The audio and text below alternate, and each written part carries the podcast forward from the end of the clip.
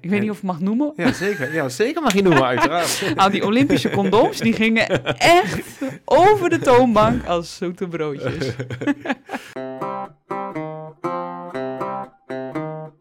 Wij leven op die cliff, weet je wel, van Mhm. eh, de ene keer ben je vrolijk en de andere keer heb je gewoon een dip. En eh, dat succes met medailles halen en het verliezen, dat, dat, dat kan zo uiteen liggen. Ehm, je kunt niet altijd goud winnen en er zijn echt momenten waar je altijd verliest. Ik denk dat alles, eh, al die emoties die je nu net opnoemt, dat dat door je heen gaat. Ehm, je hebt natuurlijk van die momenten dat, eh, dat je echt alleen maar aan het huilen bent. Dus de, echt de eerste Mhm. dag was het alleen maar huilen, huilen. Nou ja, goed, kwam er natuurlijk best wel veel op me af. Want de media was er, familie wil met je spreken. Ehm, er zijn momenten dat je... Een collega van mij heeft mij gebeld. Hij is arts in, eh, in Portugal. En hij zei tegen mij, Rismi, weet dat er mensen doodgaan aan deze ziekte. En dat jij je Olympische Spelen verliest, is heel treurig. Maar weet dat er ook een andere kern, eh, of een andere boodschap aan zit. En Mhm. eh, ja, dat vond ik echt wel mooi. Wat kan de nieuwe generatie van eh Reshmi Ogink leren? Ja, heel veel. Ja, heel veel kan je leren van deze Olympische atleet, Reshmi Ogink. De gast die ik mocht interviewen in alweer podcast nummer 27 van Sportvoeding Webshop. Alles, maar dan ook echt alles maakte ze mee wat je maar kon meemaken als een Olympische sporter. Als het gaat om hoogtepunten en natuurlijk ook zware dieptepunten. Van de eerste Nederlandse vrouwelijke taekwondoka die twee keer naar de Olympische Spelen mocht, tot een keiharde oproep met de melding dat ze echt vlak voor de start van haar Olympische Spelen niet mocht deelnemen. Vlak voor de start raakte ze positief besmet met corona en viel haar Olympische droom in duigen. Jarenlang training in één flitsmoment weg. Stel je dat eens voor. Weg, weg, weg. Einde oefening. Een keiharde ervaring.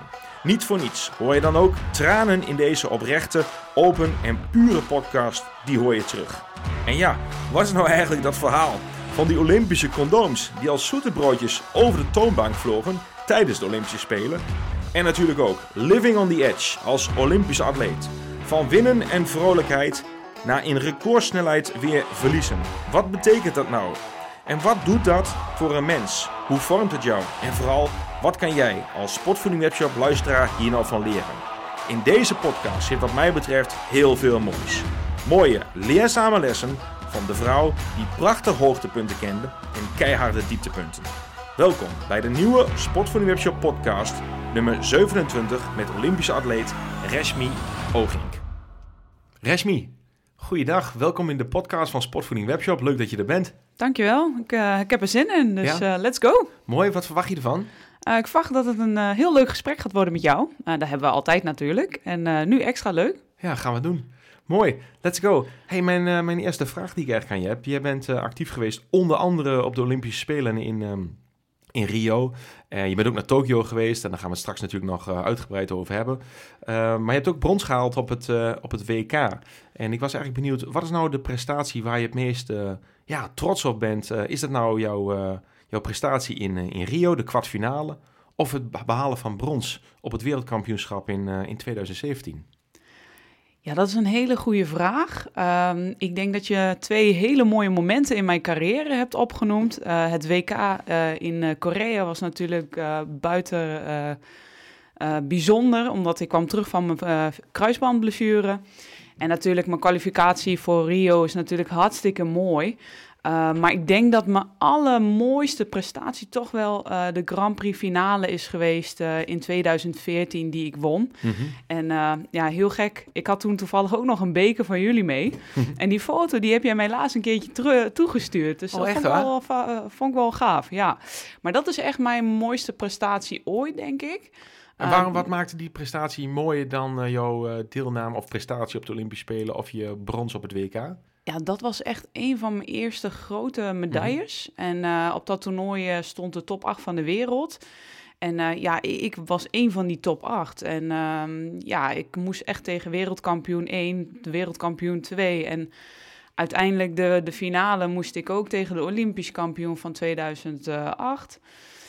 En ehm, ja, ik, het was in Mexico en ik moest tegen de Mexicaanse. En ze, het hele stadion ging helemaal lijp. Ja, in de Hol van de Leeuw. En het hele stadion ging lijp.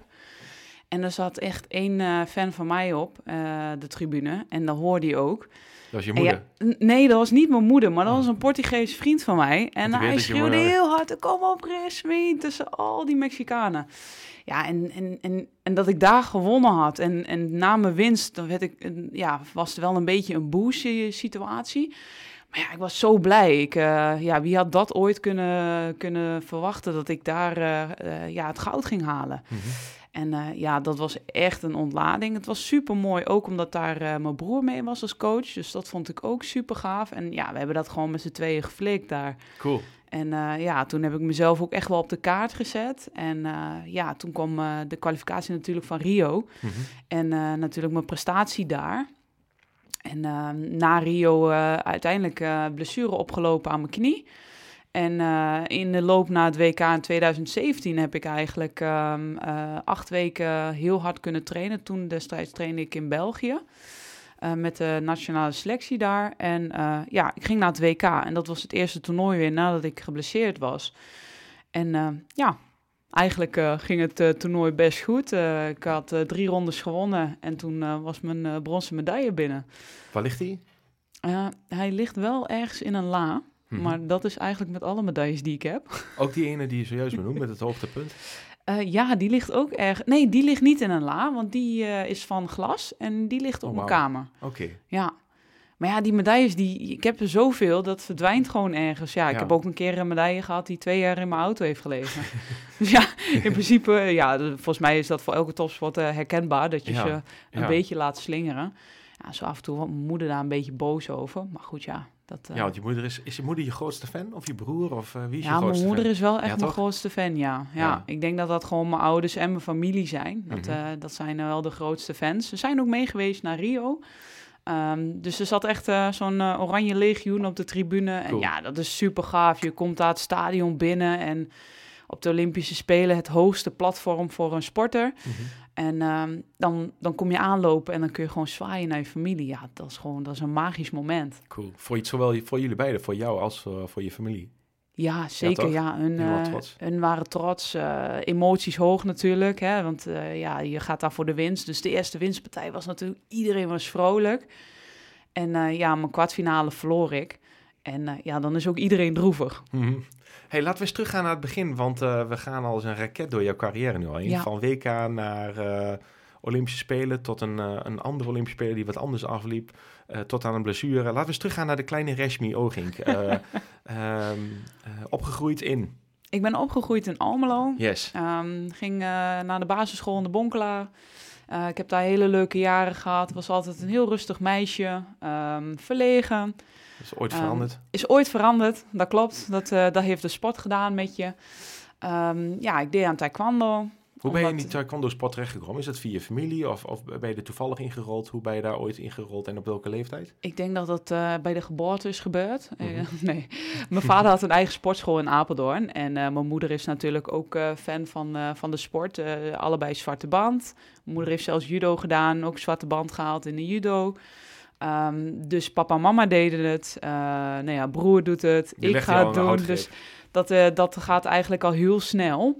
En ja, dan ga je ook als klein kindje ga je mee. En Mhm. eh, dan raak je verliefd op de sport. En, Maar dat is de judo. En hoe ben je van de judo naar de taekwondo nee, ik heb, ik heb Oh, zelf nee. geen judo gedaan. Alleen mijn moeder heeft judo Yes, gedaan. ja, en ja. die hebben elkaar op taekwondo natuurlijk leren kennen. Ja. En eh, ja, zo ging Rismi ging ook taekwondo doen. Yes. En welke leeftijd eh, praten we over wanneer je begon met taekwondo? Ah, ik denk eh, officieel eigenlijk vijf. Mhm. Dan ben je eigenlijk wel op een leeftijd dat je kan beginnen. En ja, ik was al zes, zeven dat ik wedstrijden ging doen. Maar dan is eh, het echt van die kleine toernooitjes. Ik weet nog wel, het tukkentoernooi. Mhm. Ik heb daar nog de bekers van. Die staan trouwens wel op mijn kamer. en eh, dat zijn echt van die mini-bekertjes die je dan krijgt, weet je wel, als je dan wint. En eh, ja, daar eh, was ik altijd eh, ja, meisjes eh, in elkaar aan het slaan. En eh, ja, die gingen vaak huilend weg. Ja, even voor de beeldvorming, voor mensen die nog niet zo bekend zijn met de taekwondo-sport. Luisteraars uh, van Sport Nu Webshop podcast zijn heel divers, van hardlopers, mountainbikes, wielrenners, voetballers. Ehm, ja, eigenlijk alle achtergronden in de sport uh, hebben we wel luisteraars. Even voor de luisteraar die nog niet zo bekend is met de taekwondo. Jij, jij zei al, nou, dan sloeg ik meisjes in elkaar. maar ehm, in het kort, wat is uh, taekwondo? hoe omschrijf je het? Het is een uh, Koreaanse vechtsport, mm -hmm. zelfverdediging. Uh, het is een Olympische sport sinds 2000. Uh, taekwondo betekent de weg van de voet en de vuist. Mm -hmm. En um, ja, je hebt twee vormen van taekwondo. Eén is de vorm het pomsé. Dat is, dan loop je een aantal vormen zoals ze vastgesteld zijn. En twee, ik doe het sparren. En dat is dus tegen elkaar vechten. En, en wat, wat, is, wat houdt het vechten in? Het vechten houdt in dat je dus tegen... Anders, het is ja? anders dan bijvoorbeeld... Um, nou ja, uh, boksen is ook vechten. Uh, Ultimate Fight Challenge is ook uh, vechten. je hebt zoveel varianten van. Karate kun je misschien ook zien als vechten. Nou, ja. nou het is maar net... wat, wat is het specifieke rondom taekwondo, rondom vechten? Ja, je hebt een aantal technieken. En met die technieken kun je punten scoren. Je hebt -hmm. een rode speler en een blauwe speler. Um, wij hebben nu ook, omdat uh, nou ja, de fairplay uh, hoog te houden, hebben we elektronische systemen. Dus in de helm zitten sensoren, in het panzer zitten sensoren. Je hebt een sokje aan en uh, met een bepaalde impact op een van die twee onderdelen krijg je een punt. En dan aan de variatie van de technieken, dus de moeilijkheidsgraad, krijg je extra punten. Uh, het is de bedoeling dat je dus uh, zoveel mogelijk punten scoort om een ronde of een wedstrijd te winnen. En je scoort punten als je de tegenstander raakt op het hoofd of op het harnas in de romp. Ja, klopt. Ja, en onder de band mag je helaas niet schoppen. Mm -hmm. uh, in, in het kader van veiligheid hebben we gewoon bescherming aan. Dus je hebt een hand, een arm en een been beschermen aan. En natuurlijk voor de heren en de dames een kruis beschermen en een bitje. En ook een hoofd beschermen? Ja, en natuurlijk een hoofd beschermen, omdat yes. ja, daar zitten de, de sensoren in. Yes, ja. helder. Mooi, een introductie over de taekwondo-kaar uh, sport. Um, jij was dus dat kleine meisje die begon uh, en jij was al vrij succesvol. Je zei, je noemde het zelf als een, uh, sloeg ik andere meisjes in elkaar. Ja. Wat, wat voor gevoel gaf je dat als meisje? Was je agressief of wat je zei van, ik was verlegen. Wanneer was nou die switch tussen, want dat... Kun je, de, kun je de luisteraars eens meenemen dat je zei van... hé, hey, ik was eigenlijk heel verlegen. En tegelijkertijd zeg je met een smaal... ik zoek kleine meisjes in elkaar. Hoe? Dus ik kan dat even niet uh, Je kan dat niet plaatsen, nee. nee dus... Uh, ja, het is eigenlijk een beetje zo. Uh, kijk, ik ben heel netjes en uh, gewoon rustig uh, in het leven. Mm -hmm. En dat is eigenlijk ook vroeger zo geweest. Kijk, als jij de mat op gaat, dan, dan zeggen mensen wel eens... ja, dat is een andere ikke die dan naar, naar boven komt. En uh, in de topsport uh, binnen onze vechtsport hebben wij dat gewoon. Dat is gewoon, als ik op de mat sta, dan gaat er een knop om en dan is het pats. Oké, okay, dit is Resmi Hoging 2.0. En Helder. die komt alleen maar naar voren in, in, in die situatie. En hoe doe je dat? Hoe, hoe kun je zeg maar de rustige Resmi Hoging en de vriendelijke, rustige Resmi Hoging in het leven in één keer die switch maken? Wat, wat gebeurt dan in het hoofd? Kun je ons eens meenemen wat er gebeurt in het hoofd, waardoor die switch gaat van 1.0, de rustige, naar de 2.0, de, de beast is... Uh, ja, ik ben eigenlijk mat. een uh, competitief persoon. Dus mm -hmm. als ik uh, op de mat sta, dan heb ik een tegenstander voor mij. En daar wil je heel graag van winnen. En door te winnen moet je een bepaalde strategie spelen. En dat kan ook door middel van nou ja, een andere ik naar boven halen. En dan schrikken mensen ook wel een beetje. En uh, nou ja, ik sta natuurlijk in mijn sport bekend om uh, mijn mentale vaardigheden. Dus dat ik heel sterk ben. Uh, maar ook sterk in het lichaam. Dus ik trap hard. ik kon ook hard slaan altijd. Dus dat waren altijd wel dingen die meespelen daarin. En ja, dat is af en toe wel intimiderend, ja. Maar als jong meisje, even weer helemaal naar het begin waar we nu nog zitten van jouw carrière als jong meisje. Hoe, uh, hoe, hoe, hoe, leer je dat, zeg maar? Dat als een jonge meisje uh, uh, lief en netjes en verlegen is, tot in één keer op de mat staat en dan die andere wedstrijd-vibe heeft om... Het zijn toch aanval. twee verschillende werelden, denk mm-hmm. ik. Hè? Kijk, ja, ik was natuurlijk ja, een verlegen meisje eigenlijk. zijn niet heel veel. Uh, nou goed, ik had uh, groep 8 had ik ook gewoon een beugel en uh, had ik ook een bril op. Dus ja, was ook gewoon een nerd, weet je wel. en dat, dat is in de loop der tijd is dat veranderd. En ja, goed, dat, ja, dat is ook door de sport. Het geeft je ook kracht, zelfvertrouwen. je, je staat voor jezelf klaar en je kunt voor jezelf opkomen. Dus dat zijn hele mooie aspecten die de sport ook met zich meebrengt. Heb jij... Um um, nog iets um, in die jeugd waar je, waar je van zegt van nou dat was echt een bepalend moment geweest waardoor ik zelf de indruk kreeg dat ik heel goed was? Of was het gewoon vooral leuk? Vond je het leuk? Wanneer kwam het moment dat je echt dacht van wow, wacht eens even, ik vind het niet alleen heel leuk. Maar dat was een bepalend moment dat ik echt dacht, ik ben ook gewoon heel erg goed. Ik denk dat dat moment echt kwam uh, toen ik uh, met de selectie uh, van het Nederlands team afreisde naar Baku, Azerbeidzjan in 2005. Um, ik was toen junior en ik ging samen met vijf anderen, dacht ik, gingen we naar het EK. en toen had ik, ja, eigenlijk er waren niet zoveel verwachtingen van mij.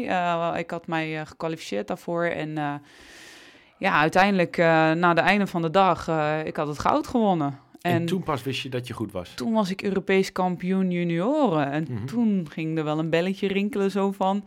Oh, ja, ik ben eigenlijk heel goed. En voor die tijd, toen je al die, die kleine uh, bekertjes al won?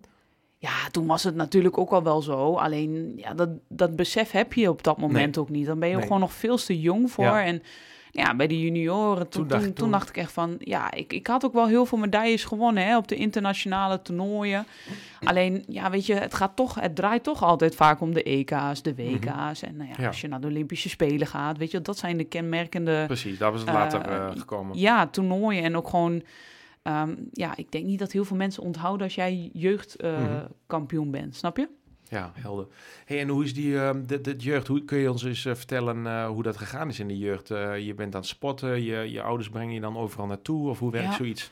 Was je dag in dag uit op die mat te vinden, of um, hoe ging dat? Ik heb wel eens een podcastopname gehad met, met de voetballers en voetbalsters, en die zeiden ja, mm -hmm. ik was niet van dat veld afstaan op een pleintje. Elke dag als ik uit school kwam, voetballen, voetballen, ja. voetballen. Ik wilde niks liever uh, dan voetballen en die bal tegen de muur trappen. Hoe ging dat bij jou als klein meisje? Was je elke dag op de mat te vinden?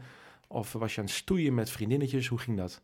Nou ja, ik, uh, ik heb niet heel veel met dames getraind. Ik trainde vaak met heren. Maar uh, het was uh, voornamelijk ook... Um, ik um, ja, moet eerlijk zeggen, ik was veel in de zaal. Omdat ja, wij hebben een binnensport. Dus ik mm -hmm. was best wel vaak op de club om te trainen. Um, ja, ik speelde ook eigenlijk als kindje wel heel veel, heel veel buiten. Dat vond ik ook gewoon leuk. Um, maar goed, ja, het was niet zo dat ik uh, een over... je dan ook ik, jongens ik, de houtgreep? Een, ik had niet een overkill aan, uh, aan van, goh, ik wil alleen maar dit doen, weet je wel. Dus nee. um, daar was wel een hele mooie balans in. En daarom heb je ook zoiets van, oké, okay, uh, ik kan best wel mijn dingetjes doen. Dus als we naar een verjaardag gingen, ging ik ook wel naar een verjaardag. Maar mm -hmm. het veranderde eigenlijk een beetje toen ik junior was. En toen ging ik wekelijks naar Papendal. Ja, en dan kom je op een complex waar je, waar je wereld open gaat. Zo van, wauw, hier wil ik zijn, hier wil ik, uh, ja. hier wil ik uh, rondlopen. Omdat hier zie je al die bekende mensen. En Papendal, voor degenen die niet kennen, nou, de meesten zullen het kennen... maar het Nationaal Sportcentrum in um, Arnhem. Ja. Uh, waar jij dus was. En wie, wie, zag je daar? Had, je, had jij een... had je iemand waar, je naar, waar je tegenop keek, of wat je held of heldin was... Of was het gewoon de vibe van al die sporters? Of had je ik denk gewoon die vibe, iemand? gewoon die vibe die daar ja. rondhangt, weet je wel. Gewoon de beste mm -hmm. van de beste van Nederland trainen daar. En als je ze af en toe tegenkomt, dan denk je, wauw, oh ja, dat mm. is die, weet je wel. En dan, ja. en dan zit je met je collega's, uh, die dan 15, 16 zijn, dan zit je daar en dan, oh, dat is Zwem Kramer. Goh, mm. hij is daar aan het trainen. En dan, ja, dat, ja. Dat, dat is er nog een moment op dat moment een heel goed gevoel, weet ja, je wel? Ja, dat geloof ik zeker. Nee, ik ben vaak op Papendal geweest. Niet als topsporter uiteraard, want dat ben ik natuurlijk niet. Maar wel mm. als gewoon als... Uh, nou ja, laat maar zeggen, al even als bezoeker. En dat, uh, die vibe die jij omschrijft, die, uh, die herken ik heel erg. Ja, het zal voor jou nog intenser zijn als sporter. Ja, zeker. Heel bijzonder. En een prachtige, uh, prachtige omgeving. En een hele inspirerende omgeving. Is er een moment geweest op Papendal, toen jij daar rondliep als klein meisje, dat jij dacht van die persoon of dat wat ik toen gezien heb, dat heeft bij mij het vuur nog meer ontwaakt? Ja, ik denk dat dat een beetje de selectie was van taekwondo die toen destijds op Papendal trainen. Ja, daar oh ja, wilde ja. eigenlijk bij horen. En nou ja, twee jaar later hoorde ik daar ook een beetje bij. Gaaf. En dan mocht ik met uh, de wat uh, oudere garde meetrainen. En dan was ik een 16-jarig meisje. En dan train je met mm -hmm. dames en heren die tien jaar ouder zijn dan jou. Mooi. Wie is jou, wie is jou, zo, wie is jou nou ja, zo bepalend geweest in jouw jeugd als trainer? of, of misschien niet als trainer, maar als mens. Wie heeft nou jou die ja, er zijn heel veel mensen die uh, een onderdeel zijn geweest ja, van jouw carrière. Zeker. Zo ongetwijfeld natuurlijk uh, als eerste natuurlijk je ouders die je altijd gesupport ja. hebben.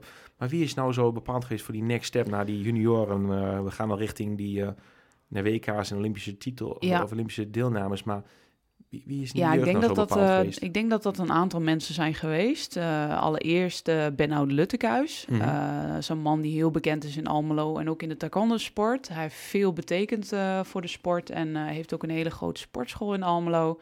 Ja. Ehm, ja, dat was eigenlijk gewoon een soort van oom voor mij. En hij regelde ook veel. We gingen veel samen naar toernooien. En eh, elke dag trainen, weet je wel. Dus daar heb ik heel veel van opgestoken.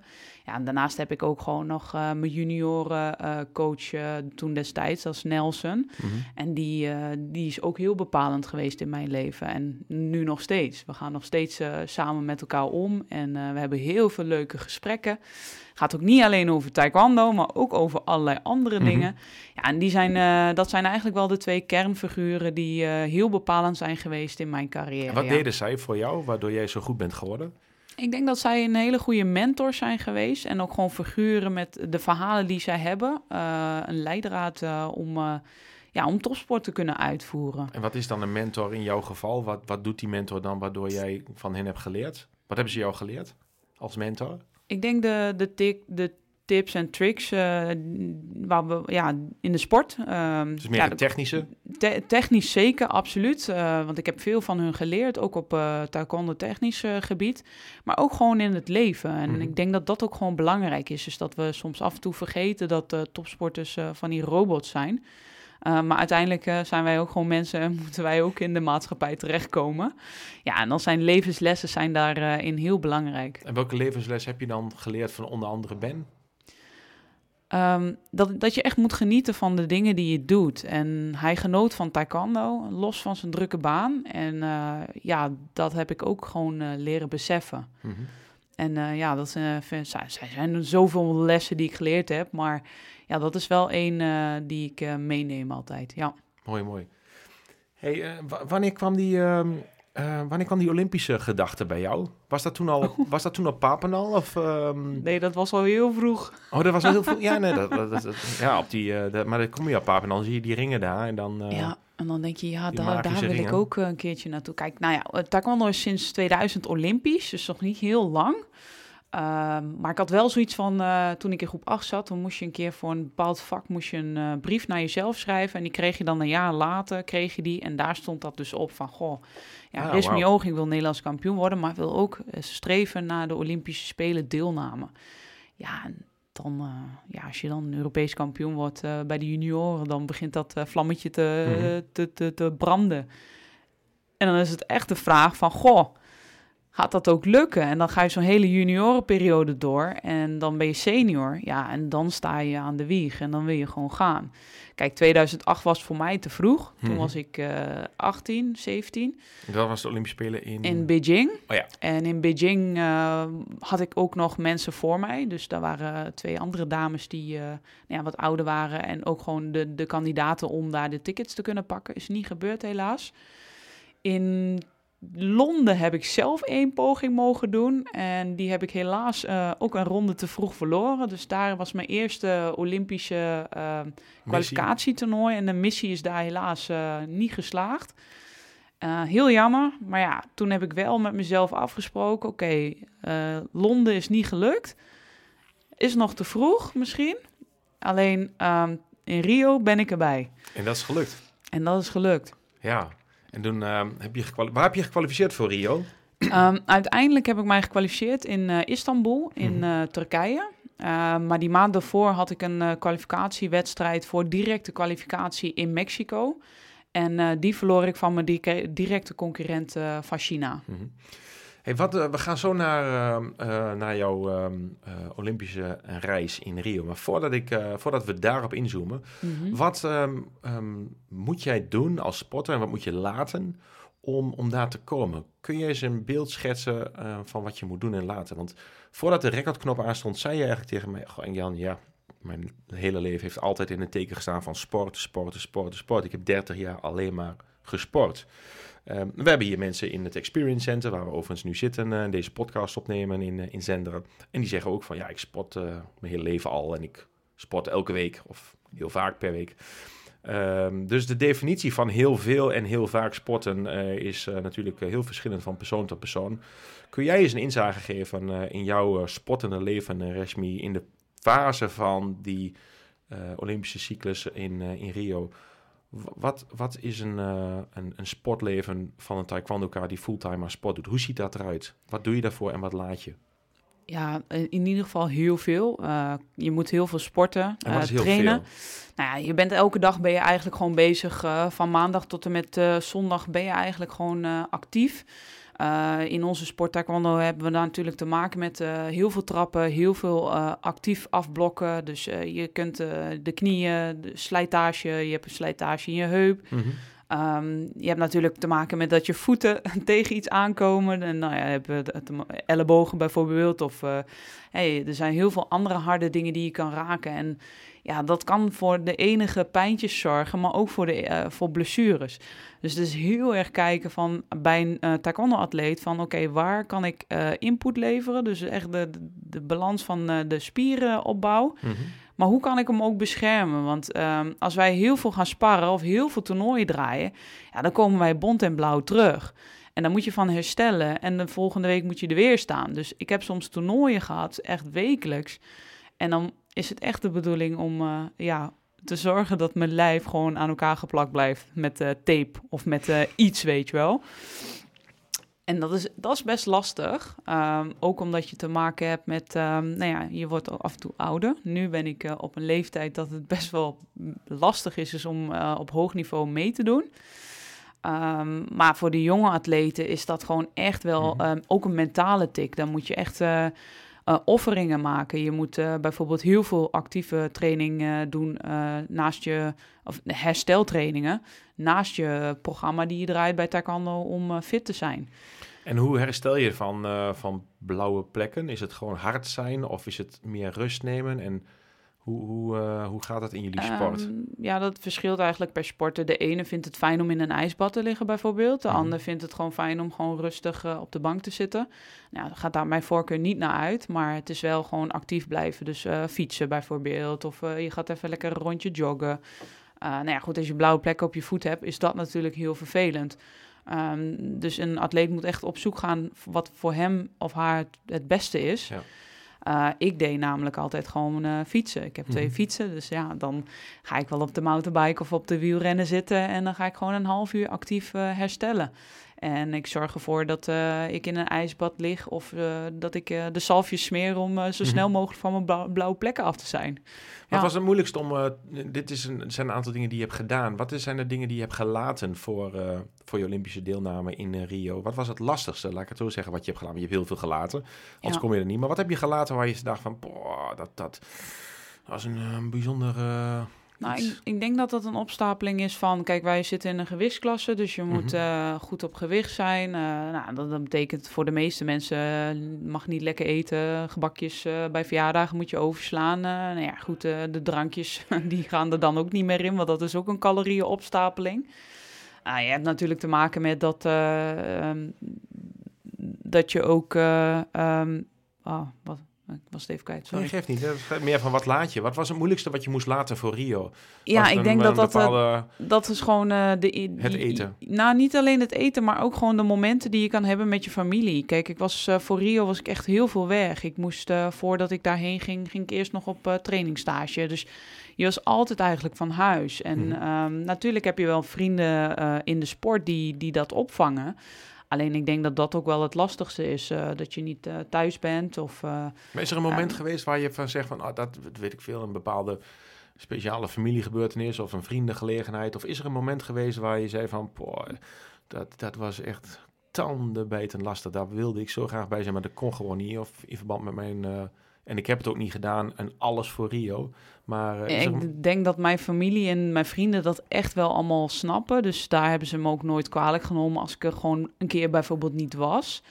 Um, ik denk als je echt kijkt naar, oké, wat, uh, wat zou ik echt moeten laten? Um, ja, ik denk dat dat zeg maar ook um, mijn portemonnee is geweest. Mm. Ik bedoel, ik, ik moest kiezen of ik een nieuwe spijkerbroek zou moeten kopen of een toernooi moest betalen. Ja, dan ging mijn voorkeur naar een toernooi betalen. Omdat in mijn sport is het nog niet zo geregeld dat je hè, duizenden euro's van NOC-NSF krijgt of eh, van je bond, weet je wel. Dus er zijn heel veel offeringen en ik denk dat dat de grootste is geweest. Dat Ja, ik dus financieel, eh, als ik echt terugkijk, dat dat financieel was wel echt de grootste. En Ja. na Rio en na Tokio was mijn bankrekening leeg. Mhm. Ja, En ervaringen gevuld. Maar ik heb wel een ton aan ervaringen gevuld, Precies. ja. precies. ja. Mooi. Nou, gaan we nu naar die, eh, naar die, eh, die ton of ervaringen in, eh, in Rio. Trouwens, jouw, jouw, jouw hoofddeksel, noem ik het hoofddeksel of cap? Ja, dat is een Ja. helm. Ja, Helm, wedstrijdhelm. helm. Ja, Je wedstrijdhelm is, staat hier hè, in het Experience Center die we Ja, kregen van je naar, naar de Olympische Spelen. Nog steeds Ja. vol, vol trots staat hier te paraderen. Erg mooi. ja En met een zeker. mooie foto erbij. Ehm, toen, ehm, toen naar Rio, hup, vliegtuig in. Ehm, Ja. neem ons eens mee naar de Olympische... Ja, Deelname de van Ogink. Olympische Spelen. Ja, In, dan gaat er eh, echt een Rio. wereld voor je open. Ja, geen nou, Londen, geen Beijing, geen maar Londen, wel... geen Beijing. En toen, was ineens- toen heb ik me gekwalificeerd voor Rio. Ja, überhaupt mijn kwalificatie was gewoon een, een uniek moment. Dat, eh dat, dat Mhm. terzijde. Daar is ook veel aandacht voor in Maar de ja, media. Absoluut, ja, Ja. dat heb ik wel teweeg gebracht. Ja, Taekwondo is Ja. inderdaad op de kaart gezet. Ja, dan kom je aan in zo'n dorp. En ik heb natuurlijk Universiade meegemaakt. Dat is zeg maar Mhm. een soort van Olympische Spelen voor studenten. Dus ik wist wel enigszins wat me te wachten stond. Maar ja, dan kom je zo'n dorp binnen en dan zie je al die sporters van allerlei landen in die grote foodhall voorbij komen. En dan denk je echt, wauw, Here I am. this is amazing. En ja, daar geniet je van. En ook gewoon dat je met Team NL op stap bent. En met al die andere sporters in één dorp zit. En dat je gezellig met elkaar eh, aan tafel zit eh, in, in, in de foodcourt. Ja, dat vond ik echt geweldig. En natuurlijk eh, de trainingen, die gingen ook fantastisch, weet je. Dat, je, je, je, ma- je maakt jezelf ehm, eh, het zo makkelijk mogelijk met van alles en nog wat. En eh, ja, ik eh, moet eerlijk zeggen, ik heb me daar wel vermaakt. En eh, samen met mijn trainingsmaatje was ook mee. En ja, ik, ik had natuurlijk mijn coach mee, hè. Die, Mooi. dat was een familielid. Dus Je broer. ja, dat Ja. was ook nog gewoon super gaaf. Ja, mooi. Ja. Hey, Is er een, eh, ehm, een moment geweest buiten jouw eigen prestatie om, gaan we na deze vraag eh, over hebben, maar is er een moment geweest op de Olympische Spelen buiten jouw prestatie om die het meest is bijgebleven? Dus wat echt niks met jouw eigen pers- persoonlijke prestatie te maken heeft? Ehm, ja, ik, nou ja, een sporter die je ontmoet hebt, of is het een, eh, iets Ik wat je gezien hebt? ik of, denk eh, dat dat in de foodcourt is geweest natuurlijk. Mhm. Ehm, ja, er zijn twee, twee momenten. Ja, dat moet ik even aanstippen, denk ik. De eerste moment, ja, ik, ik zag zo'n klein meisje voorbij komen. En ik denk, hè, die lijkt toch verrek veel op Simone Baals. Ik denk, Mhm. oh, oh, wacht, dat is ze. Weet je wel, ja, dat soort sporters zie je Ja. dan. En ja, dat was Ja. echt een wauw moment. Maar wat mij echt is bijgebleven, even los van mijn sportieve prestatie... is dat in die foodcourt, daar stonden gewoon twee van die grote, huge palen... En daar zaten wat artikelen in. En ehm, nou ja, goed, dat is een beetje de, het verhaal altijd bij de Olympische Spelen. Daar wordt nog aardig wat in de avonduren wordt daar natuurlijk andere sportactiviteiten gedaan. En ja, in die foodcourt stonden dus die materialen die je daarvoor kunt gebruiken ter bescherming. nou, en echt, er stonden heel veel mensen aan dat ding te draaien. en dan denk je echt, oké, jullie zijn allemaal wat van plan vanavond of eh, einde van de week. En echt letterlijk, dat ding werd echt dagelijks bijgevuld. Zo. Daar ging echt wat doorheen. Ja, dat blijft wel bij. Ik weet niet of ik mag noemen. Ja, zeker. Ja, zeker mag je noemen, uiteraard. Nou, die Olympische condooms, die gingen echt over de toonbank als zoete broodjes. Oh, geweldig. En ze stonden overigens niet alleen bij de foodcourt, bij de ingang, maar ook gewoon op allerlei andere plekken. Oh, mooi, mooi, mooi. Ja, vruchtbare, vruchtbare editie. Ja. Mooi. Ehm, toen, na, die, eh, na dat moment, zullen we gelijk naar je, om de, in het kader van de tijd, zullen we gelijk naar jouw eh, meest, naar je laatste wedstrijd gaan op dat toernooi in, eh, in Rio? Zeg maar eigenlijk, zo, je bent, hebt de kwartfinale bereikt. Ik heb de Ongekende kwartfinale prestatie voor een Ja. Nederlandse vrouw op de Olympische Spelen, kwartfinale. Ehm, hoe ging je de wedstrijd in? Ja, heel positief. Ik had natuurlijk eh, al een keer tegen deze dame gevochten. En ja, ik stond eigenlijk de laatste seconde stond ik nog voor. En toen, vijf seconden voor tijd, viel ik. en toen werd het 1-1. En toen gingen we de golden score ronde in. Mhm. Ja, en dan is het degene die als eerst scoort, die wint. Ja. En ook in die golden score ronde konden we allebei niet scoren. Alleen zij had net één hit meer. Dus dat betekent dat zij één keer mij vaker heeft geraakt dan dat ik haar had. En ja, zij won. Mhm. Ja, en dat was wel echt, eh, dat eh, heeft wel echt pijn gedaan. Ja. ja.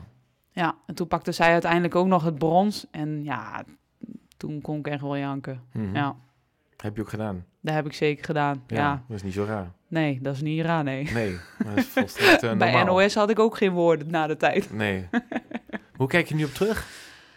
Ben je Ah, trots? Ja, absoluut. Kijk, weet Ja, je, toch? kijk, ondanks dat ik daar geen medaille heb gehaald, was mijn, eh, mijn route naar toch? Rio was zo Precies. bijzonder. Ik heb echt eh er alles voor gedaan. Ik heb daar heel veel offeringen gemaakt. Mhm. hele veel mooie momenten ook meegemaakt. Nieuwe mensen ontmoet. Leuke ehm, eh, toernooien gedraaid. Mooie medailles gewonnen. En ehm, ja, uiteindelijk heb ik mij gekwalificeerd. En eh, de manier waarop ik mij kwalificeerde was ook nog bijzonder. Want ik had eerst een maand daarvoor, ging mijn droom in duigen. Mhm. En een maand later moest ik mijn ticket eh, ophalen. En ehm, ik raakte twaalf dagen voor dat toernooi raakte ik geblesseerd aan mijn hamstring. En ik kon dus twaalf dagen lang geen taekwondo doen, omdat mijn hamstring kapot was. En eh, op de dag van mijn wedstrijd, dat ik mij moest kwalificeren, heb ik dus voor het eerst taekwondo moeten doen. En eh, ja, ik heb eh, zo, het zo geregeld dat niemand daarvan af wist. Dus ehm, het was bijzonder dat ze hoorden, ben je geblesseerd? Ja, ik was geblesseerd. En uiteindelijk, ja, ik heb, ik heb, ik mijn, mijn startbewijs opgehaald en dat was het. Maar ja, dat was wel heel bijzonder. Met alle opstapelingen van dingetjes. En ja, er is nog zoveel meer om te vertellen, maar dat is ja, te weinig tijd in deze podcast, denk Hey, ik. mooi. Nee, kom nog een keer terug. Hey, wat, is, ehm, ehm, ehm, wat is de schaduwkant eh, van, eh, van de topsport volgens jou? Wat is het Ik- lastigste? Ik denk de schaduwkant is dat eh, voor de mentale gezondheid, dat daar weinig aandacht voor is. En nu in de media zie je wel dat meer topsporters daarover spreken en dat dat, dat geen taboe meer moet zijn. Kijk, wat is volgens jou de mentale gezondheid? Is het een, een breed begrip waar iedereen zo zijn eigen beeld bij heeft? Wat betekent dat volgens jou? Ja, nou, ik denk dat omdat wij eh, op die, eh, ja, wij leven op die cliff, weet je wel, van Mhm. eh, de ene keer ben je vrolijk en de andere keer heb je gewoon een dip. En dat succes met medailles halen en het verliezen, dat, dat, dat kan zo uiteen liggen. Ehm, je kunt niet altijd goud winnen. En er zijn echt momenten waar je altijd verliest. Je hebt een seizoen waarbij je vier keer kan Mhm. verliezen. En het, en, en, het, en het seizoen daarna kan je alles winnen. Maar ja, in dat seizoen dat je alles verliest, daar ga je echt wel kna dat gaat knagen aan je. Mhm. Ja, mentaal gaat dat, eh, gaat dat eh, erin zitten. Heb je sporters, ehm, zonder namen te noemen, dat is niet zo interessant, maar heb je sporters echt zien, zien worstelen met dit wat jij nu in je ja, eigen carrière? Zeker. Ja. Ja, en zonder namen te Ik noemen, ben, wat, ik ben daar dan? zelf ook eentje van geweest. Ja. Kijk, ik heb eh, natuurlijk drie keer uh, voorste kruisbandblessure gehad. Ja, Mhm. ik heb ook gewoon eh, ja, een depressie gekend. En ik ben ook gewoon naar een psycholoog geweest daarvoor. En ja, dat was voor mij het beste om te doen. Even los van dat mensen denken, ja, taekwondo, oh, dat, die hebben nooit klachten, dat, die zijn mentaal lekker sterk. En ja, dat is ook wel zo. Maar je hebt af en toe als sporter ook gewoon behoefte aan om te praten met iemand die even los staat van Mhm. sport, familie, vrienden. Ja, en wat heeft dat jou gebracht dat je, er, eh, ja, dat je die gesprekken bent aangegaan? Nou, dat heeft mij opheldering eh, gebracht. eh, het heeft mij ook lucht gebracht. En ik kon, ehm, kon vrij goed ja, de dingen die we besproken hebben, kon ik toepassen. En ik kon het gewoon relativeren. En ik denk dat, ehm, ja, dat ik daar nu gebruik van maak om ook andere mensen daarbij te helpen. Dus bijvoorbeeld ehm, atleten die nu worstelen met hunzelf omdat ze niet goed presteren, om hun Mhm. uit een dip te halen. Weet je, het is best lastig om hulp te vragen af en toe. En vooral als sporters. En waarom, wat maakt het lastig? Is het, is het taboe dat of schaamte? niet. Of wat maakt het ja, lastig? dat weet ik niet. Dat kan ik niet Nee, zo eh 1, 2, 3 de, de, Nee. de, de vinger op leggen eigenlijk. Maar Nee, ja, je ziet ze gewoon worstelen. En dan eh, ja, probeer ik Mhm. ze eruit eh, uit die sleur te trekken. En eh, zorgen dat ze Mhm. weer gaan presteren. Over, die, ehm, over een moeilijk moment na jouw, ehm, ja, een van je hoogtepunten natuurlijk in Rio, wat prachtig is. Ehm, Ja. Toen eh, kwam de volgende Olympische cyclus, eh, waar je ook weer ongetwijfeld heel veel voor hebt gedaan. Ja. Nou, ik weet dat toevallig, omdat ik het natuurlijk vanuit eh, de zijlijn heb gevolgd, omdat we Mhm. weer woonachtig zijn, heel dicht in de buurt bij elkaar. Ehm, toen mocht je deelnemen aan de volgende Olympische Spelen. Ja. En ehm, het unieke moment dat een uh, taekwondo-atleet zich twee keer plaatst voor de Spelen, ja, dat is echt heel bijzonder. Mhm. En dan ben je twee maanden in training, want ik eh, kwalificeerde mij in mei. En eh, toen had ik twee maanden om te trainen voor de Olympische Spelen In Tokio. in Tokio. En dan zit je met alle coronabeperkingen zit je, zit je uit te bannen. En dan stap je zo'n vliegtuig in richting Tokio. En als je dan Mhm. plaatsneemt, mijn collega's zaten naast mij en dan neem je plaats en dan denk je, hmm, zit ik hier wel op mijn goede plek? Ja, er zat een Japaner voor mij en nee, ja, we zaten be- best wel crisscross door het vliegtuig. En eh, ja, je gaat eigenlijk gewoon eh, eh, door. En ben aangekomen netjes in het dorp. Ik heb een paar dagen getraind. Alles ging netjes, vlekkeloos, niks aan de hand. En op zo'n dag word je gebeld om half negen door een arts. En als ik naar de telefoon kijk, denk ik, oh god, dat is een arts. Dat zal niet wel heel soep zijn. Want de dag ervoor was de eerste coronageval binnen Team NL. En toen eh, had ik al wel een beetje ja, zweet onder mijn oksel. Want toen dacht Mm. ik, oh ja, Moet geen Zat- belletje krijgen. ik zat bij haar in het vliegtuig. Ik heb haar gezien bij, de, bij, bij, bij het inchecken. Ik eh, heb haar in de bus gezien. Ik heb haar bij de receptie gezien bij Team NL. En toen dacht ik, oh god. En toen belde hij en toen kwam hij met het eh, slechte nieuws. En toen zei hij, ja, Rismi, je hebt corona. En toen zei ik, nee, dat kan niet. Ik zeg, ik heb geleefd als een monnik, dat kan echt niet. Ja, ja, je hebt corona. Je moet eh, zo snel mogelijk je spullen pakken. En eh, je wordt opgehaald en eh, je wordt eh, naar een kliniek gebracht. Daar word je weer opnieuw getest twee keer. Mhm. En als die testen positief zijn, dan is het einde oefening. En toen zei ik tegen hem al, zei, ja, als jij zegt dat ik positief ben, dan ja. Nou ja, goed, die telefoon heel snel opgehangen. Toen heb ik naar huis gebeld. En in huis eh, was het half drie s'nachts. En eh, ja, ik kon geen woord zeggen. Ik belde hun, ze namen op. Iedereen stond binnen eh, een minuut eh, op de kamer bij mijn ouders.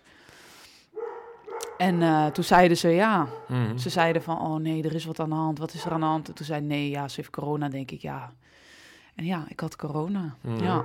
Dus ik snel nog twee van die sneltesten gedaan. Even te kijken, te checken of het echt klopte. Ja, er was één test die eh, na 15 minuten pas kleurde. En de andere test die ik deed, die was echt per direct, eh, was dat positief. Positief. En toen dacht ik, ja, het is klaar. Foute boel. Foute boel. Dus ik moest mijn eh minikamer, net zo groot als deze ruimte, moest ik inpakken. En nou ja, ik had nog niet eens alles gepakt. Of de, de security stond voor de deur en ik werd naar buiten gebonjourd. Einde Olympische cyclus. En toen ging ik zo'n taxi in die geplastificeerd was en einde oefening. Ja, verschrikkelijk. En toen heb ik ja, mijn tijd doorgebracht eh, in een hotel tien dagen lang. In die taxirit, En die taxirit, eh ja, probeerde voordat ik... je in het quarantainehotel zat. Ja, die, was, eh, na, die ging naar het dorp. En in het dorp heb je een kliniek. Mhm. En daar bij de kliniek heb ik eerst nog drie uur gewacht op die testen. Mhm. Van de drie uur werd hij uiteindelijk vijf uur, omdat nou ja, er lagen nog wat attributen hier en daar door het dorp van mij. Want ik had nog was bij de wasseretten liggen. En eh, nou ja, mijn koffer was nog niet ingepakt, want ja, ik had, eh, ik had een half uur de tijd. Ja, dan kan ik niet alles inpakken. Ik bedoel, ik had twee Mhm. koffers mee. Ja, en dan eh, klop je aan bij het Day Nice Hotel, wat ze daar dachten dat dat een hele mooie faciliteit was om ons daar te huishouden. En eh, ja, daar gingen we de Olympische gevangenis in voor Mhm. tien dagen. Ja, En geen Olympische Spelen. en geen Olympische Spelen. Ja, dat was echt eh, ja, een klap in mijn gezicht. Mhm. En eh, ja, de wonden zitten er nog steeds. Ja, doet pijn, denk ik toch? Ja, dit doet echt heel pijn. En eh, de pijn is niet verzacht. Mhm. Ehm, ik heb het er wel heel vaak over met mensen. En ik- heb echt ook wel hele leuke dingen gedaan in dat hotel. Maar goed, het neemt niet weg dat dat Eh, Tokio zou mijn laatste wedstrijd zijn. En daar zou ik afscheid nemen van mijn sport. Mhm. Ja, Alles voor gedaan, al die jaren. Al die jaren. En dan ja. één zo'n... En dit was een bekroning. Dit zou de bekroning worden op mijn werk. En Mhm. eh, ja, is niet gebeurd. Ja, en... ehm, ja, wat voor eh, vraag moet ik dan stellen? Ja, er zijn geen vragen om aan te stellen. Kijk, ik had, ehm, ik had, al- ja, zoals je weet, ik manage mijn hele programma zelf. Dus van A tot Z regel ik eigenlijk alles zelf binnen wat er gebeuren moet. En wie met me mee moet en wie gaat trainen enzovoort enzovoort. Het enige waar ik geen invloed had, Is wat door de lucht gaat. was de vlucht. Ja. En ook daar is het fout gegaan. Mhm. Ik had alles uitgebannen. Ik heb mijn familie naar de teststraat gestuurd voordat ik thuis zou komen. Mhm. Om mijn spullen in te pakken. Om alles uit te bannen. Ik heb wel 1000 euro uitgegeven aan testmateriaal. En trainingsmaatjes gevraagd. Alsjeblieft test voordat je bij mij komt. Ja. Ga niet met je vrienden om. Zorg ervoor dat we in een, in een, in een bepaalde Omgeving, bubbel, bubbel. leven. eh, zodat ik veilig daar naartoe kan gaan. Dat ik daar kan afscheid nemen. En ja, dan zit je in een vliegtuig met Jan en alle man. En ja, het is leuk dat wij binnen 24 uur worden getest. Maar eh, een reiziger die eh, een transit heeft, die wordt binnen 72 uur getest. Dus de kans dat hun corona krijgen is Mhm. heel groot. Ja. Wat is dan, eh, welke emotie overheerst dan? Is het, ehm, ben je stil, ben, ben je boos, ben je verdrietig, heb je woede? Wat, wat overheerst dan? Ik denk dat alles, al die emoties die je nu net opnoemt, dat dat door je heen gaat. Ehm, je hebt natuurlijk van die momenten dat, dat je echt alleen maar aan het huilen bent. Dus de, echt de eerste Mhm. dag was het alleen maar huilen, huilen. Nou ja, goed, kwam er natuurlijk best wel veel op me af. Want de media was er, familie wil met je spreken. Ehm, er zijn momenten dat je ehm, nou ja, je dag moet gaan invullen. Ja, en ik heb mijn dag eigenlijk een beetje gaan eh, ingevuld door stomme filmpjes te maken. Hm. Gezien, En ja. uiteindelijk eh, nou ja, kwam er een soort van Mr. Wilson eh, op mijn kamer. En dat was Bob. Nou, dat is een, een Bob is eigenlijk een trainingspop waar ik altijd mee train. Dus ik heb van al mijn attributen die ik bij me had, heb ik eigenlijk een pop gemaakt. En die heb ik in mijn kamer gezet, zodat ik niet alleen in die Mhm. kamer zat. Ja, ik heb ook best wel hele leuke dingen gedaan in, de, in dat hotel. Daar niet van. Maar ja, de, de, de, de, de droevigheid, de, de Mhm. emoties, dat, dat heerst gewoon. En dat heerst niet alleen bij mij, dat heerst in dat hele hotel. Het was Mhm. echt, nou ja, ik denk eh, hetzelfde gevoel dat je hebt bij een begrafenis. Zo, zo voelde het. Ja. Doet En- het en- ook lichamelijk eh, pijn? Voel je, heb je het ergens gevoeld? Naast het hele veel verdriet, voel je ook echt de pijn? Dat, dat je het echt gewoon voelt in je buik of... eh, Ja, toen wel. ja. Eh, dat, dat gevoel is nu gewoon weg. Maar ja, toen was het natuurlijk echt wel eh, Mhm. pittig. En ja, dan heb je ook eh, dat je mentaal gewoon zit je er gewoon doorheen. En Wie heeft je er doorgetrokken door die tijd? Nou, ik denk dat de mensen... Kijk, we, er waren drie atleten, waarvan twee atleten nou ja, goed, nog moesten sp- sparren of spelen. Ehm, de rest was allemaal staf. En ik denk dat ik heel veel heb gehad aan de stafleden en ook natuurlijk eh Akendi. Je zit daar natuurlijk met z'n allen. En kijk, je moet het zo zien. Je zit eh, de hele dag in je kamer en je hebt drie momenten waarop je naar beneden kan en dan ga je je eten ophalen en dan ga je weer naar boven. Dat is dus eigenlijk de bedoeling. Uh, ma- maar die lunchmomenten en die dinnermomenten waren voor ons eigenlijk gewoon een uur lang Mhm. pretmoment. Dat we met z'n allen in die lobby zaten te ouwehoeren. En dat kan van e- gezamenlijk eten daar zijn tot aan, eh, nou ja, met de rolstoel eh, een race doen of eh, met de rolstoel eh, kegelen, weet je wel. Dus we Hmm. hebben echt best wel leuke dingen ook gedaan. Alleen ja, natuurlijk, de, de, het is gewoon heel bijzonder dat je via een hotelkamer je Olympische Spelen moet volgen. En Heb je nog kunnen, ja, even tussendoor, je noemde net de naam Candy, Ken, voor de luisteraars, Candy Jacobs, eh, de skateboardster, toch? Ja. Eh, was de eerste Nederlandse Olympische atlete die eh, het Olympisch dorp moest verlaten. En jij was de tweede atlete. Ja. Ehm, Oké, dat even.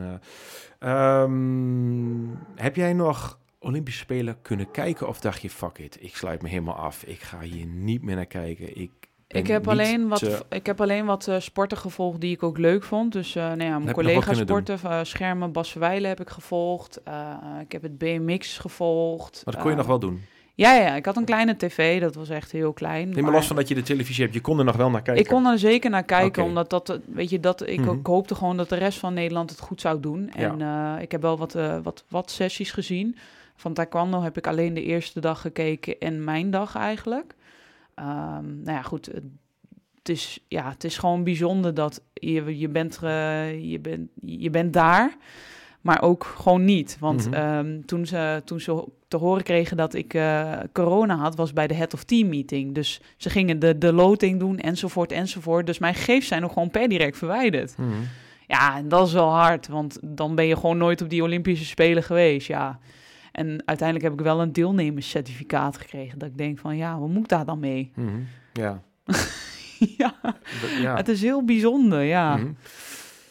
Hey Reshmi, van, van, van ongekende highs, van klein meisje, opgegroeid in Almelo, eh, begonnen met taekwondo, opgegroeid in Almelo en, en met je ouders, familie, Ben Oude Luttekhuis die veel voor je betekend heeft, Mhm. Papendal, mooie reisdagen gehad, geïnspireerd door grote atleten, eh, ook eh, door je vorige generatie taekwondokaars. Ja. Toen een mooi verhaal verteld van een, eh, een mooi hoogtepunt, vervolgens ook eh, hebben we het gehad over de WK, jouw prachtige deelname in, in Rio om vervolgens de ongekende low mee te maken in, eh, in Tokio. Ja. Uh, en we zijn er nog niet helemaal. We kijken straks ook nog heel even uh, in het laatste deel van de podcast met een blik vooruit naar de Olympische Spelen in Parijs. Die er eventueel, nou ja, daar gaan we het zo nog misschien nog heel kort over hebben. Maar hoe kijk je nou terug op het moment tot nu toe?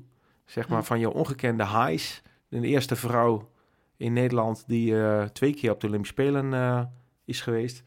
En, um, en ook een ongekende low heeft meegemaakt. Hoe kijk je nou terug op dat geheel?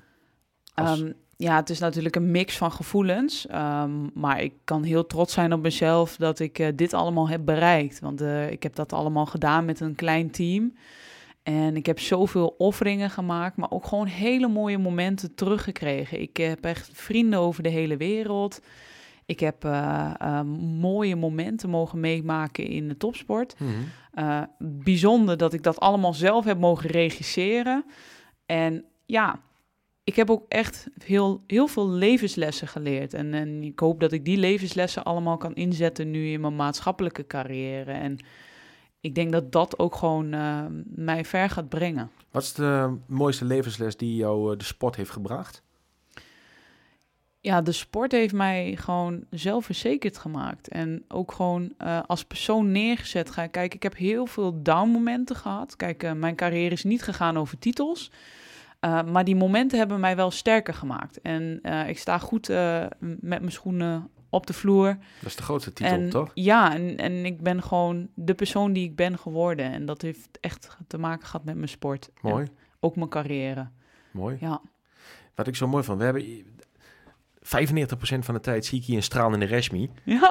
Uh, luisteraar ziet het niet, hoort alleen nee, wat. Klopt. Maar wat ik ook mooi vond, uh, Reshmi, is dat ik ook uh, jouw uh, tranen in de ogen zag net. Ja, bij jouw moment toen wij uh, inzoomden op dat Ja. verschrikkelijke moment in, in Tokio. Ik weet nog dat het bericht binnenkwam hier. En Ja. dat was echt, nee, nee, nee, dat kan toch niet? Van nou ja, al die sporters die in dat vliegtuig zitten, ben ik het. Ja, dat was, dus, en ik zag het ook in je ogen en de luisteraar ziet het niet. En dus het, het geeft aan hoeveel je ervoor hebt gedaan en voor gelaten en wat het met je gedaan heeft en nog steeds doet. Het is niet zo raar dat je daar, eh, dat het je raakt. Eh, mij ook hier. Eh, maar ik, ja, ik- Ja. ik vind het Word mooi je dat je... emotioneel van? Ja, maar is niet zo raar, toch? Nee, dat is zeker niet waar. Ja, er is eh, zoveel voor gedaan en dan word je er gewoon uitgetrokken. Waar je helemaal niks aan kan doen. Je hebt alles Nee. gedaan. Ehm, ja, je moet goed, eh, je moet goed realiseren dat je ook eh, ja, verder moet. En eh, een collega van mij heeft mij gebeld. Hij is arts in, in Portugal. En hij zei tegen mij, Rismi, weet dat er mensen doodgaan aan deze ziekte. En dat jij je Olympische Spelen verliest, is heel treurig. Maar weet dat er ook een andere kern, eh, of een andere boodschap aan zit. En Mhm. eh, ja, dat vond ik echt wel mooi. ja, mooi. Ja, mooi. hey, Oeh. Zitten we hier met tranen in onze ja, ogen. maar ja, ik voel het ook als sporter en eh, ik voel Ja. jouw pijn. Dus dat is, dat is toch het mooie van, van het delen naar een hele grote groep mensen die hier naar luisteren, die, ehm, die de pure Reshmi Ogink eh, horen. En dat is hartstikke mooi. En jouw, ja, jouw ongekende drive als topsporter en als mens ehm, hier heel puur en open eh, deelt. Dat, is- dat is prachtig. Dat is een eh, heel groot compliment waardig. Hey, we gaan ehm, richting het einde, niet alleen van de podcast, maar ook richting het einde van waar we nu staan. En dat is letterlijk vandaag live hier, Mhm. waar we nu zijn in 2023. En in 2024 zijn de Olympische Spelen in Parijs. En voordat de recordknop aanstond, vroeg ik jou... Hey Resmi, ga je nog verder? Zei, ja, ik weet het echt niet zo goed. Ik twijfel soms wel, soms niet. Hoe, eh, hoe sta je in die wedstrijd? Ja, dat is een hele lastige discussie, omdat ehm, ik in december ben ik eh, van, eh, van land geswitcht. Dus ik kom helaas niet meer uit voor Nederland. Dus als ik naar de Olympische Spelen wil, dan eh, zal dat niet in de kleuren oranje zijn. Ehm, ik kom op dit moment uit voor Curaçao. En eh, mocht ik naar de Spelen willen, dan zou ik weer naar Aruba moeten switchen, omdat die hebben een NOC en uh, Curaçao hebben, heeft dat niet. Um, ja, de grote vraag, gaat mijn carrière daar uh, uh, de afsluiting vinden? Ik heb vorig jaar, een heel jaar, heb ik nog uh, geparticipeerd in de sport, topsport. Ik heb een aantal toernooien gedraaid en ik was op zoek naar, dat, naar die kers op mijn taart om mijn carrière af te sluiten. En um, teleurstellend seizoen gehad, omdat ik tegen de nummer 1 elke keer moest. Um, helaas heb ik teleurstellende resultaten gekend. En uh, nou ja, je vraag is of ik dan naar, naar Parijs zou toewerken. Ja, dat is dan een, een vraagstuk die ik moet beantwoorden. Mm -hmm. Gaat dat bijdragen aan mijn, aan mijn successen en mijn carrière? Um, als je het me nu vraagt, nee. Omdat ik eigenlijk al een hele bijzondere carrière heb gehad met ups en downs. En ik kan daar met heel veel trots op terugkijken. Zeker. En ja, of dat een vervolg gaat krijgen, ja, dat, dat, dat, dat weet ik nog niet. Nou, dat gaan we zien. Ja, dat tijd, gaan we, zal het, uh, tijd zal het leren. Dat gaan we zien. Ja. Mooi, mooi. Um... Maar ik vind het overigens wel heel leuk. En uh, omdat ik, ja, weet je, kijk, ik ben nu twee keer naar de Spelen geweest en ik heb echt bijzondere momenten gehad daar. Um, ik vind het ook heel leuk om atleten te trainen om daar te komen. Mhm. Mm -hmm. Dus nu ben ik bezig met een jongen die gaat naar het WK en ik help hem bij zijn, uh, bij zijn carrière. Ja, en dat vind ik eigenlijk ook wel heel leuk. Dus ik zie mijzelf ook wel uh, een rol als trainer, coach, uh, begeleider, zie ik daar ook wel in. Wat kan de nieuwe generatie van uh, Resmi Ogink leren? Ja, heel veel. Alle situaties heb ik meegemaakt, dus ik, ik kan ze zoveel dingen meegeven. En uh, ik hoop dat ik daar ook ooit een keer de kans voor ga krijgen. Mm -hmm. Je vertelde eerder in de podcast dat jij hebt geleerd van jouw voorganger, Ben ja. Luttinghuis. Uh, jij zegt, ze kunnen heel veel van mij leren. Ik heb heel veel meegemaakt. Ja. Noem eens de top drie dingen wat de nieuwe generatie van jou kan leren. Uh, leren omgaan met, uh, met uh, ja, teleurstellingen. Je, je zult in je carrière veel teleurstellingen gaan hebben, want je kunt niet altijd top zijn. Mm -hmm. Dat is één. Um, nou ja, de, de, de jeugd van tegenwoordig moet heel hard werken. En die denken allemaal, ja, ik wil naar de Olympische Spelen en dat lukt me wel. En uh, dat ga ik zo en zo doen. Maar zij zien niet het werk wat je moet doen om daar te komen. Mm -hmm. uh, en om ze daar een realistische schets van te maken. Oké, okay, als, als, jij, als jij naar de Spelen wil, dat betekent dat jij dus bepaalde dingen niet kan doen. Omdat je moet je houden aan een gewichtsklasse, of je moet naar toernooien, of je moet hard trainen. En dat is niet één keer zo, maar dat is gewoon 365 dagen lang. Mm -hmm. Dus twee. En wat is het derde ding wat ze van je kunnen leren? Het derde ding is, um, ja, ik denk toch ook het leren genieten van wat ze nu doen. Mm -hmm. Het gaat voor een heel in een treinsnelvaart en ze staan niet echt stil bij het moment wat ze en de, de waardering die anderen voor hun doen. En hoe leer je iemand? Ja, sorry. Ja, dat ik was wel. Ja, Ja. Oké. En hoe leer je iemand de balans, uh, of eigenlijk de, het spanningsveld is een beter woord. Hoe leer je een, een nieuwe atleet, een jonge atleet, moet ik zeggen, het spanningsveld tussen enerzijds leren genieten en anderzijds die opofferingen. Wat je zegt, ja, maar jongens, Ja. potverdorie, als jij een Olympisch speler dan mag je nog wel even uit de ander vaatje tappen. Daar moet je nog wel wat voor Ja. doen en laten. Hoe is dat spanningsveld tussen enerzijds iemand iets leren, bam, dit moet je leveren, en anderzijds je moet ook genieten. Ik denk dat, daar, eh, dat we daar meer discussies over, of in ieder geval een dialoog over moeten gaan hebben. En dat ze dat ook gewoon gaan realiseren. We, kijken, we, we zijn nu heel veel met onze telefoons bezig en maar scrollen, scrollen, scrollen. Maar echt een conversatie hebben met, met elkaar doen we eigenlijk niet zoveel meer. En ja, ik ben toch wel eigenlijk een voorstander van, goh, laten we Mhm. gewoon even een keer een bak koffie doen en we gaan even lekker kletsen. En Mhm. dan eh, kun je het gesprek een beetje maken. En dat is onderdeel Want als van ik het vraag genieten. aan een atleet, hoe gaat het met je? Zegt hij, ja, is goed. Ah, dan was het einde, einde gesprek. Mhm. Ja, punt. Ja, punt. En, en dat- doe, doe dat maar eens een Ja. keer met mensen. Dan Ja. zeggen ze altijd, ja, gaat goed. Mhm. En dan vraag je niet door. En dan denk je van, oh, dat is wel, het zit goed. Ja. Maar zit het dan ook echt goed? Mhm. Ja, en daar prik je heel snel doorheen. Bij en een live eh, gesprek. en dan kom je, en dan kom je tot een, eh, tot een eh, conclusie. En dan haal je er even informatie uit die je eigenlijk wil hebben. Mooi. Ja, mooi. Nou, dus er ligt nog een mooie toekomst voor je. Ja, laten we het hopen. Ja, zeker, natuurlijk. Hey, eh, dat gezegd hebbende, wil je zelf nog ergens op terugkomen in deze eh, eh, mooie, mooie podcast met alles wat erin staat wat mij betreft? Wil je zelf nog ergens op terugkomen? Wil je nog iets toevoegen? Of zeg je, nou, dit heb ik gezegd, dat had ik iets anders willen zeggen. Is er nog iets wat je wilt toevoegen? Nee, ik denk dat we best wel veel onderwerpen hebben gehad. Uh, nou, mooi. Ik denk uh, mijn boodschap aan uh, de jonge topsporters is om inderdaad te genieten van wat je doet. Um, want je kunt het doen totdat het moment is dat je stopt. En dan gaat het leven heel anders eruit zien. Mm -hmm. Mijn leven op dit moment is heel saai. wat is jouw droom? Heb je en, nog een, een, droom voor de rest van je leven? Ja, ik heb nog wel dromen, maar goed, dat... ja, is een droom die je met ons wil delen? Of zeggen van nee, koershuis, ja, dat, uh, dat nou, ga je niet van me krijgen. Jou ja, voor. Ik hoop, ik hoop ooit nog ook een keer moeder te worden. Dus dat is, dat is echt een droom die ik nog voor ogen heb. Oh, prachtig. Maar ja, ik hoop wel dat uh, ja, atleten zeg maar hun best gaan doen. Om mm -hmm. ook datgene te kunnen doen wat ik heb gedaan. En ja, daar moet je toch wel wat ballen voor hebben. En ja. ook gewoon gaan doen. Zeker. Um, ik heb nog twee vragen. Ja. De ene laatste vraag die ik aan jou heb is... Als ik nou um, een, een, nieuwe gast mag uitnodigen. Getipt door jou. Wie vind jij dat ik zou moeten uitnodigen in de Spot van podcast? Hmm. Goeie vraag. Dat is een hele goede vraag. Ja, ik, ik denk als je het over sporters hebt. En... Mag een sporter zijn, mag een niet-sporter zijn. Iemand waar jij van denkt van, nou, denk je aan met die persoon, die moet echt plaatsnemen hier. Ik denk dat je een keertje dan moet praten met mijn, uh, met mijn schermcollega, mm -hmm. Bas Verwijlen. Dat is een mooie naam. Het is echt een uniek verhaal wat hij ook gepresteerd heeft. Hij is de enigste schermer, vijf mm -hmm. keer op rij naar een Olympische Spelen. Ja. En bijzondere dingen meegemaakt, ook in zijn carrière. Staat een beetje parallel aan wat ik heb gedaan. Daarom kunnen wij het ook zo goed vinden, denk ik, met elkaar. Ik denk dat je hem eens een keer moet vragen. Mooi, dankjewel. Ga ik mijn best voor doen. Ja. Ga ik mijn best voor doen, dankjewel. Dan heb ik uh, mijn uh, afrondende en laatste vraag ja. die ik elke gast uh, stel. Dus ook aan jou. Op 200 plekken in de wereld komen elke dag miljoenen mensen langs. Drukke plekken in de wereld. Daar staat een billboard. En op dat billboard mag je een tekst zetten. Een quote, een zin of een woord. En dat is eigenlijk jouw boodschap naar de wereld. Welk zin, woord of quote moet op dat billboard staan, Reshmi?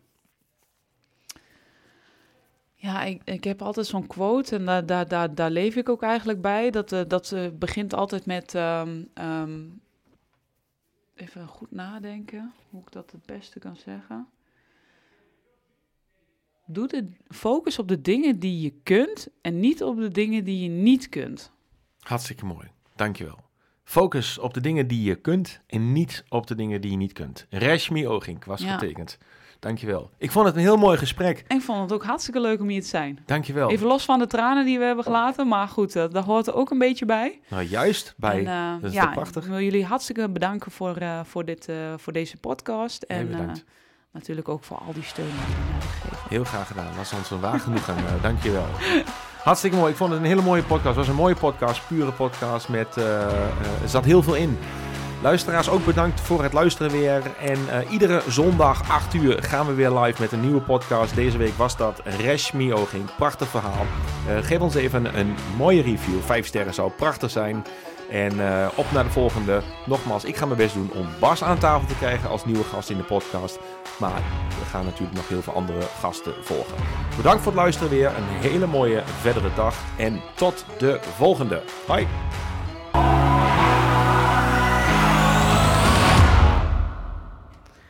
Wat zeg je? Dat is echt mooi, hè? Ja, toch? Ja. Dat was een mooie podcast, vond je niet? Oh, ja, ik ook. vond, uh, vond het leuk om te doen.